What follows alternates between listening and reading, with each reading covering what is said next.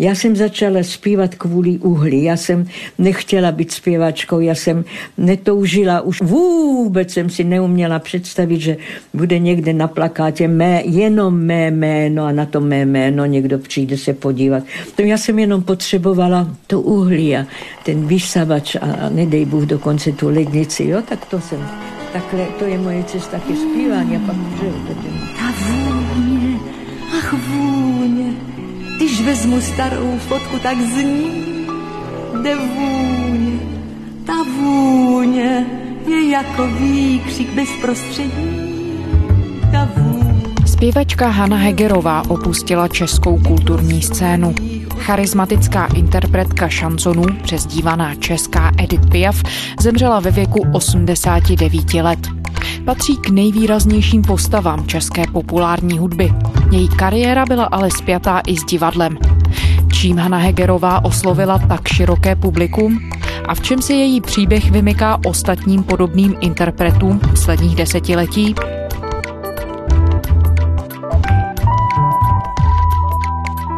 Je čtvrtek, 25. března. Tady je Lenka Kabrhelová a Vinohradská 12. Spravodajský podcast Českého rozhlasu.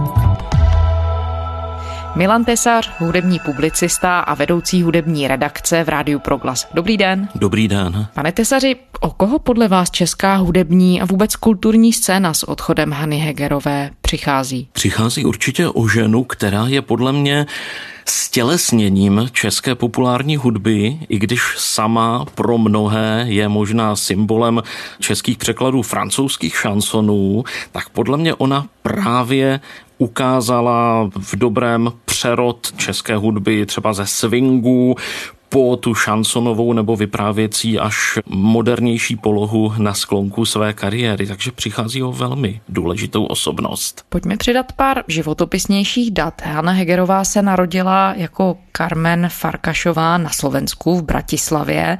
Ona během svého života nazbírala i v souvislosti právě s tím, co jste zmiňoval s různými hudebními styly, řadu přezdívek. Česká Edith Piaf, Královna šanzonu, První dáma, české pop music. Kdo byla tedy vlastně doopravdy? Z jaké rodiny pocházela? Jak se dostala k divadlu, ke zpěvu? Zajímavé je, že to rodinné zázemí bylo v první řadě ekonomické, protože její otec byl bankovní ředitel.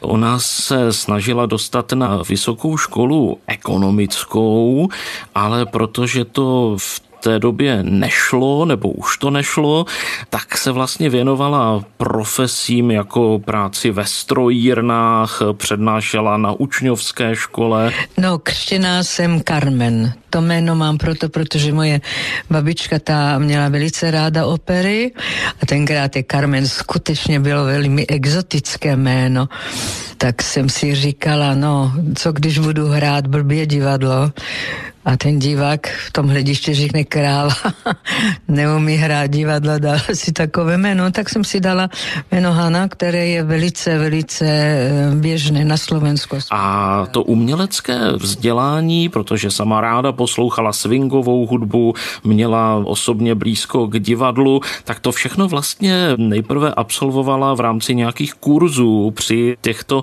svých profesích. A pokud jde o hudbu, tak k ní se vlastně naplno dostala právě přes to divadlo, takže nebyla původně zpěvačka, ale spíše herečka, taky se vlastně vdala za divadelního ředitele, takže to divadlo tam bylo asi na začátku. Jak moc to divadlo potom ovlivnilo právě její hudební kariéru, její kariéru zpěvačky? Já bych řekl, že minimálně ve dvou rovinách. Jedna byla ta počáteční, protože první hity Hany Hegerové jsou spojené s divadlem Semafor, s texty Jiřího Suchého, jsou spojené spojené s pásmy, jako Zuzana je zase sama doma, dobře placená procházka a samozřejmě to, z čeho ji mnozí známe velmi dobře, tedy s filmem Kdyby tisíc klarinetů. Marně si hlavu lámu, proč muži většinou neradi vidí dámu chladnou a nečinnou. Nedávno Takže to je jedna rovina. Potom je druhá rovina, která si myslím, že se táhla jejím životem a dráhou po celou dobu a to je zaměření na příběh v písních.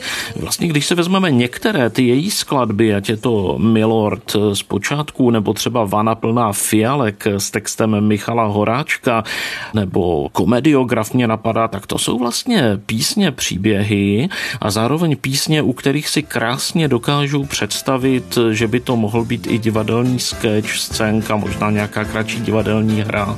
Jen pojďte sem, pane, sem ke mně ke stolu, když pršet nepřestane, budem tu spolu, dejte si říct,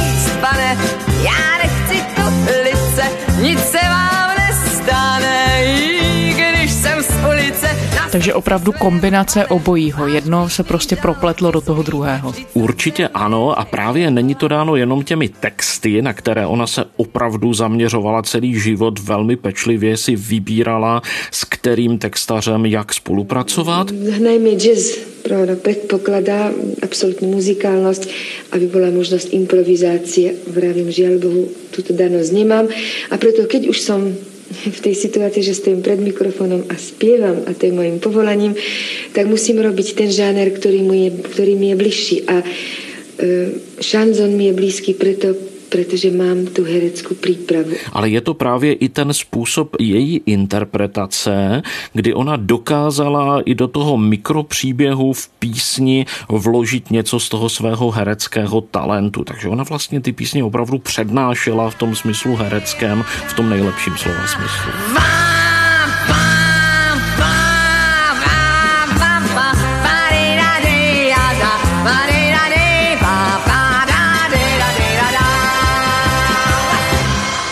Když se člověk teď podívá na nekrologie, na články, které o Haně Hegerové vycházejí, tak se tam samozřejmě objevuje společný jmenovatel šanzonu a zmínky o tom, že jejím velkým přáním bylo proniknout na frankofonní scénu.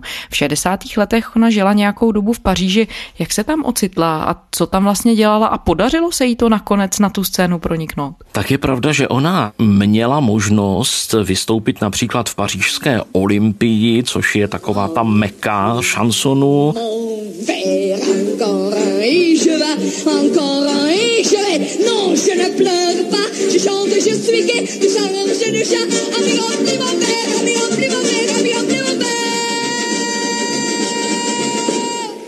Hostovala tam v letech 1967 a 68, takže tak jako u nás se jí říkalo, nebo říká česká Edith Piaf, tak i tam jí říkali právě Piaf z Prahy. Moi, je t'offrirai de perles de pluie venues du pays où il ne pleut pas. Je creuserai la terre jusqu'après ma mort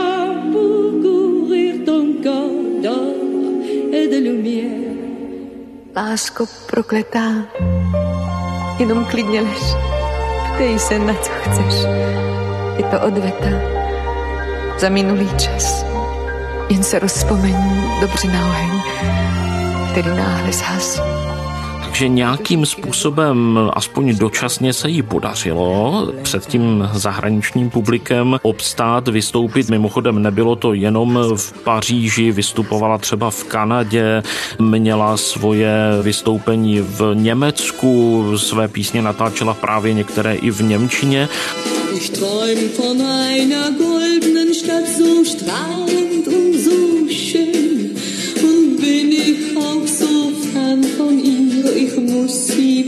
wiedersehen. Tak samozřejmě víme, co přišlo potom, že když to byly roky 67, 68, nastala normalizace a v těch 70. letech a dál už potom působila Hanna Hegerová tedy především opět na domácí scéně. Tam je potom ještě možná pikantní jedna taková historka nehudební z jejího života, že vlastně úplně omylem, nedopatřením se dokonce dostala v té době normalizace na krátkou dobu do vězení, což bylo vlastně kvůli nějakému, tuším, že tam šlo o nějaké peníze, které nepatřily jí, patřily Karlu Gotovi a ona vlastně netušila, odkud ten honorář je a byla obviněna za spronevěru. Takže i potom takové věci se v době normalizace děly a vidíme tedy, že Hanu Hegerovou provázely vzestupy i pády, ale naštěstí těch vzestupů bylo víc. Jak moc zrovna tahle historka její život ovlivnila v těch 70. respektive tohle už bylo na přelomu 70. 80. let. Do jaké míry to ovlivnilo vůbec její fungování v té normalizační společnosti? Dokázala se s tou nespravedlností vyrovnat? Tak přiznám se, že toto nevím úplně přesně, jak ona s tím potom sama žila, ale možná s tím třeba souvisí i taková její možná zdrženlivost, to, že přece jenom si držela nějakou distanc od té scény, od toho režimu. Možná s tím souvisí i to třeba, že v určité době se rozhodla nenatáčet další alba, opravdu komunikovat hlavně s těmi svými fanoušky, koncertovat, ale ono to všechno je vlastně velmi složitý komplex, který se navzájem ovlivňuje, ale myslím, že ona nakonec vlastně v tom všem obstála a patří k těm interpretům, které i když si je možná spojujeme s tou neblahou dobou normalizace, tak vlastně nikdy neklesli pod nějakou laťku vkusu a myslím si, že ani morálně. Jsou čtyři ráno, nebo víc. Jsem vzhůru, koukám na měsíc, anebo dolů do ulic, kde lampy bloudí. Velký zlom v její kariéře potom v těch 80. letech znamenala spolupráce s autorskou dvojicí Petr Hapka a Michal Horáček. V 80. letech vzniklo album Potměšilý host. Dá se říct, že tahle spolupráce, když se na to díváte očima hudebního publicisty, vedla i k jejímu hudebnímu posunu? Určitě vedla, podle mě byla klíčová, ale ona byla klíčová ta spolupráce nejenom pro ní, ale byla samozřejmě velmi důležitá i pro oba autory, tedy Petra Habku a Michala Horáčka. Oni vlastně oba už předtím spolupracovali s různými zpěváky.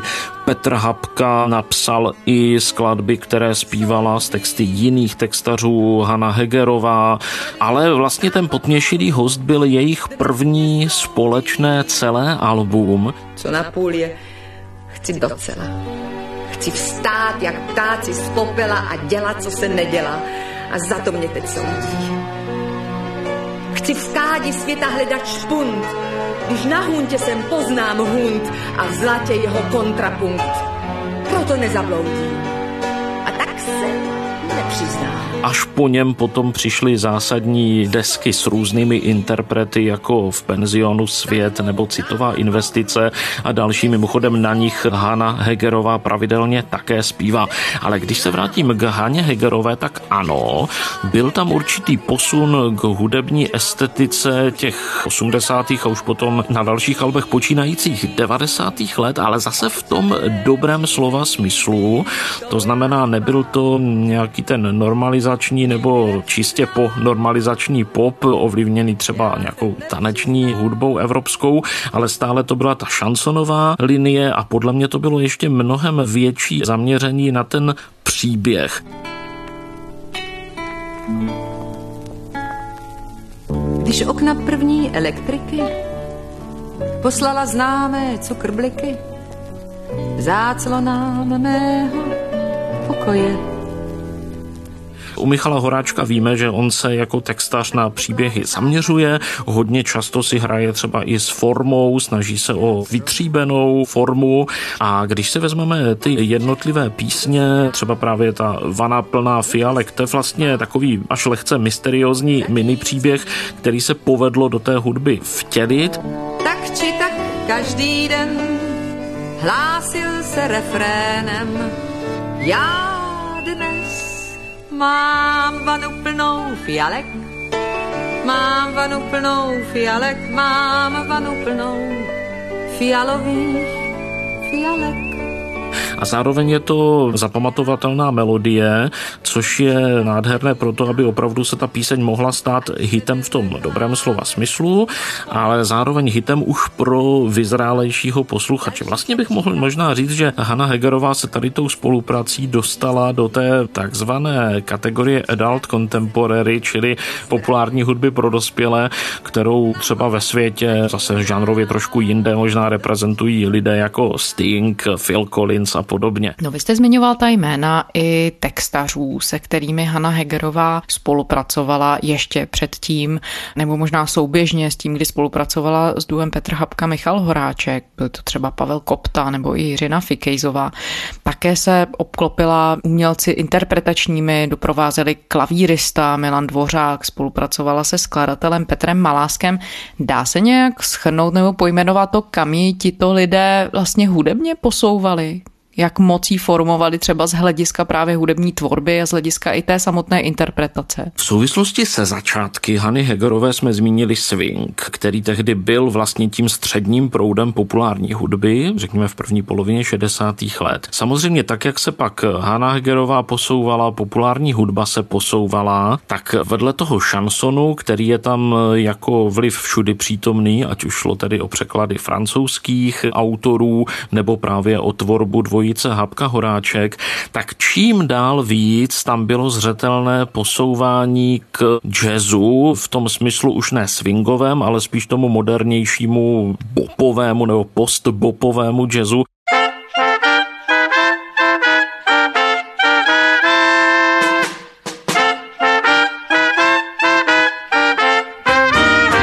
Sedím pod černým mostem a pláču do řeky.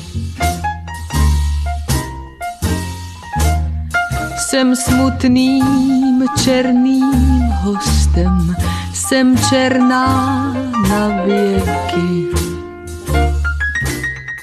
Vy jste zmínila některá ta jména, já bych k tomu přidal třeba Františka Kopa, saxofonistu, který Hanu Hegerovou v pozdní době doprovázel a který sám je výrazným solistou na naší jazzové scéně a právě lidé tohoto typu jsou na těch nahrávkách slyšet a je jasné, že oni ani nemuseli dělat nějaké úkroky směrem k popu, ke střednímu proudu. Prostě oni tam hrají tak, jak to cítí a ono to k té hudbě patří. A když jste popisoval, že byla velice vybíravá v uvozovkách, co se týče těch textařů. Víme něco o tom, jak moc byla Hanna Hegerová spokojená v roli té interpretky nebo jak moc přebírala otěže ona sama? Já teď narážím na to, že třeba hudební kritik Jiří Černý, ten píše o tom, že Hegerová každý ten song opravdu propracovala jako herečka. Tak víme mi něco o tom, jestli v roli té herečky byla opravdu spokojená, jestli měla třeba nějaké také tvůrčí ambice a tak dále. Ono je těžké samozřejmě, že vidět člověku do nitra, ale proslýchá se nebo je známá třeba skutečnost, že když chodila nahrávat skladby, tak měla texty vytištěné nebo napsané a různými barvami si prý označovala třeba různé stupně obtížnosti nebo pasáže, kde věděla, že třeba sama se s tím musí poprat, takže měla červenou barvu na něco, zelenou barvu na něco. Červená eh, barva je když dělám pozor na to, dělám tady chyby, jo nějaké, často třeba ve výslovnosti, jo.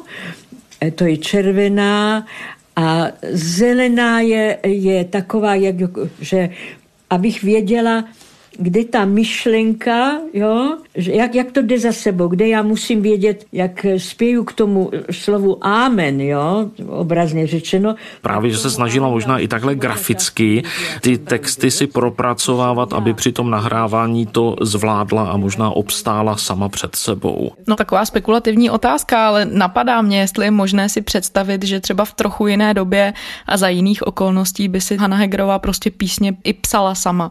Při nejmenším texty, když byla zjevně tak oddanou vypravěčkou těch příběhů? Hmm, to je otázka, protože člověk může být výborný herec, může být výborný vypravěč, ale třeba nemusí mít talent právě na to ty texty dávat dohromady. Takže já to nedokážu posoudit, ale skoro bych řekl, že ona se cítila dobře v té rovině interpretky a tak jako málo kdo jiný právě dokázala ty cizí texty, nebo texty sice psané pro ní, ale od jiných autorů podat důvěryhodně prakticky vždycky jako by to byly její písně. Já když si vezmu třeba to, že zpívala přebásněné texty, překlady Žaka Brela, který byl sám autor par excellence, tak já v té její interpretaci vlastně nevidím nic o laťku horší než tu interpretaci původní, takže ono to bylo všechno opravdu velmi důvěryhodné. No z rozhovoru s Hanou Hegerovou i jejími přáteli a lidmi, kteří jí v té tvůrčí oblasti byli blízko, vyplývá, jak moc pro ní bylo důležité živé koncertování. Vy jste to ostatně zmiňoval i v souvislosti s těmi 80. lety. Dají se ty dvě roviny, ta studiová a koncertní, srovnat? Tak vždycky samozřejmě ve studiu člověk může tu píseň ještě víc propracovat, může ji zkusit nahrát víckrát, vybrat nejlepší verzi. Koncert je na první dobrou, nicméně známe koncertní nahrávky Hany Hegerové, ostatně už to, že její zásadní album má název Recital, o něčem vypovídá, ale jsou dostupné třeba nahrávky zpěvu Hany Hegerové a monologu pana Horníčka a podobně. A najednou vám hlas. Smutné, Takový tichý hlas. jdu z práce domů Zpívající hlas. jako dřív. Musím si říct, Ne, ne, ne, jenom hlas, pane doktore. Žádné oči. Takže známe ty nahrávky a víme z nich, že ty písně mají sílu, i když měly zaznít vlastně jednou, tak i když se pouštějí opakovaně. Takže v jejím případě já myslím, že obojí. Obojí je velmi silné a obojí má něco do sebe. A nakolik byla, když to zmiňujete, nakolik byla ochotná sáhnout k experimentům? Ona se před pár lety pustila do spolupráce i s rapery Hugo Toxem, Jamesem Coulem v projektu Hymna republiky. Řekl byste to do ní nebo čekal byste takovou spolupráci? Tak na první poslech nebo pohled, kdyby mě to někdo řekl, tak samozřejmě bych to asi do ní neřekl. Na druhou stranu, když se nad tím člověk zamýšlí trošku víc do hloubky, tak rap nebo hip-hop v dnešní době vlastně částečně plní podobnou funkci, jakou plnili ty písně s příběhovými texty třeba o nějakou tu generaci dřív. Raz, dva, tři, raz, dva, James Cole, Orion, Ringo Tox, Hanna Hegerová, Hanna Hegerová. Mě to tak bavilo. Mě to ohromně to bavilo, jinak byli báječní, jak, jak jsme se seznámili, že nejdřív mě pozvali na oběd, jo, takový mělo to formu, všecko velmi milý a taky jsem pro ně, cokoliv bych chtěli, tak bych byla pro ně. Když už jsem šla do toho, byla bych všechno udělala, aby byli oni spokojení. A tady rovně,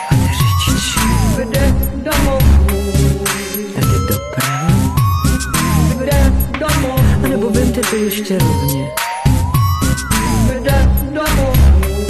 Vemte to ještě jednou dokola. Ale Zuzku, Já teď zdánlivě zamířím někam úplně jinam, do hudby africké, kde je dnes hip-hop na předním místě a on tam vlastně vystřídal ty takzvané grioty v západní Africe, což byli obřadníci, vypravěči starých příběhů, kteří hudbou předávali nějaké poselství a tuto roli dnes plní hip-hop. A když půjdu zpátky, tak vlastně Hanna Hegerová, vypravěčka příběhů par excellence a proč by tedy nemohla spolupracovat s hiphopery, kteří vlastně taky svým stylem, hudební formou úplně jinak vyprávějí nějaké silné příběhy. Takže ono to vlastně zapadá do sebe. Když se podíváte na tu pozdní tvorbu Hany Hegerové, on poslední album Mlínské kolo v srdci mém vydala v roce 2011. Jak ho tehdy posluchači přijali a víme něco o tom, jak sama Hegerová nesla to své rozhodnutí skončit s aktivní kariérou? Je pravda, že to album vlastně vyšlo přesně v tu dobu, kdy ona se rozhodla přestat koncertovat. Možná bych ještě k tomu doplnil, že předtím, vlastně po tom roce 2000, ona už neměla moc nových nahrávek. Opět se tedy ještě podílela na některých nahrávkách Petra Habky a Michala Horáčka. Třeba píseň Píšu vám, pane, v rozpacích je dodnes hodně ceněná. Píšu vám, pane, v rozpacích, okny jsem navál, čerstvý sníh a ten jak ve snu postava na linu zvolna rozstává, odkrývá kroužky od sklenic a jinak nezbývá tu, jak vidím, pane, ale v skutku vůbec nic. Ještě možná z té pozdní tvorby taková pozapomenutá záležitost podílela se na dvojalbu Jana Buriana Dívčí válka, což bylo album s přispěním zpěvaček různých generací a ona tam právě hrála nebo představovala příběh Anešky, což měla být právě ta nejstarší z těch žen v rámci nějaké škály. Aneška není odpoledne doma. Marně jí dcera klepe na dveře. Je na hřbitově jako obyčejně. Ale zpátky k albu Mlínské kolo v srdci mém. Já jsem na něm třeba sám cítil opravdu už ten stárnoucí hlas, nejenom vyzrálý, ale bylo vidět, že je to interpretka, která stále má co nabídnout. Bylo to pro mě třeba velmi silné, ale právě i v tom, že hlasově už to nebyly ty její vrcholné momenty, ale zase v tom bylo určité kouzlo. Já bych to možná přirovnal trochu k pozdním album Leonarda Cohena nebo Johnnyho Cache, kteří vlastně i když bylo vidět právě to stárnutí, to, že už tam není tolik těch fyzických sil, tak jejich pozdní alba byla mimořádně silná a byla to vlastně velmi důstojná tečka. V rytmu města dýchám smok, šanci mám, co sní příští rok. Zas už ten vláček ujel, já nemám čas já si myslím, že Haně Hegerové se povedlo třeba právě i výběrem repertoáru, tím, že se na tom albu vrátila k některým svým mimořádně silným písním. Za mě je to třeba Čas na prázdniny s textem Jiřiny Fikejzové. Píše, že krásky tam jsou a sexy, krev a mlíko a zatím nezve je dál, když přijedu já, tak proč by jim stlal tak já myslím, že to byla taková opravdu důstojná tečka a že ona sama si uvědomovala, že asi nemá smysl už natáčet nic dalšího, že tohle je důstojné rozloučení s tou hudební dráhou. Takže do jisté míry by se to dalo brát jako takový důkaz toho, že si Hanna Hegerová doopravdy řídila ten svůj osud sama, že to byla ta silná žena, která se prostě rozhodla, že v tuhle chvíli už končí, dostojí tomu a udělá to s hlavou vstyčenou, když to řeknu tou parafrází. Určitě vnímám to tak. Ona opravdu ten svůj v úvozovkách slib víceméně dodržela. To, že se potom třeba její hlas ozval ve verzi modlitby pro Martu z roku 2017, zase po boku x jiných zpěvaček, tak to už jsou jen takové ty drobné bombonky, ale opravdu tou tečkou bylo to album Mlínské kolo v srdci mé. Mimochodem, ona na něm rekapituluje svůj život i třeba nejenom těmi texty, ale třeba i tím, že tam zařadila píseň ve slovenštině, že tam, jak jsem říkal, dala některé své starší písně v nových úpravách, že jsou tam překlady francouzů i původní česká tvorba. Vlastně taková krásná rekapitulace. A dá se z vašeho pohledu říct, Čím se tedy Hanna Hegerová vymykala? Dá se to nějakým způsobem schrnout, když se podíváte na ty dekády její aktivní kariéry a porovnáte s ostatními? Je to jednak to, že ať si vezmeme kteroukoliv část její tvorby, tak nikdy neklesla pod určitou lačku dobrého vkusu. Vlastně můžeme vzít asi cokoliv, co kdy naspívala, nahrála a obstojí to i v tom kole času. Já ještě jednu písničku, kterou eh, nemám ještě stoprocentně hotovou, ale dám takový malou pozornost. E, opět teda to bude v mém rodném jazyku. Ve slovenštině Milan Lasica mě udělal další text, aspoň mě se moc líbí.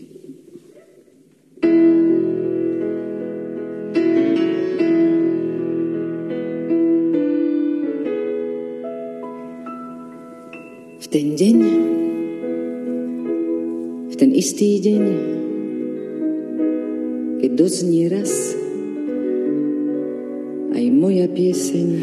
A další věc je právě to propojení, jak už jsme tady říkali, s divadlem, ne v tom smyslu přímo divadelních her, ale právě v tom smyslu, že ona vždy při tom zpěvu, i když ji nevidíme, když byla jenom ve studiu, tak vždy byla částečně i tou herečkou. Milan Tesař, hudební publicista a vedoucí hudební redakce Rádia Proglas. Děkujeme za rozhovor. Také děkuji, nasledanou. Keď sláva pominie a zrazu všetko bude tak márne v ten deň chcem povedať žila som správne. V ten deň a to je ze čtvrteční Vinohradské 12 vše. Poslouchejte nás v podcastových aplikacích, na serveru iRozhlas.cz a také v aplikaci Můj rozhlas. Naše adresa je vinohradská12 zavináč rozhlas.cz To byla Lenka Kabrhalová. Těším se zítra.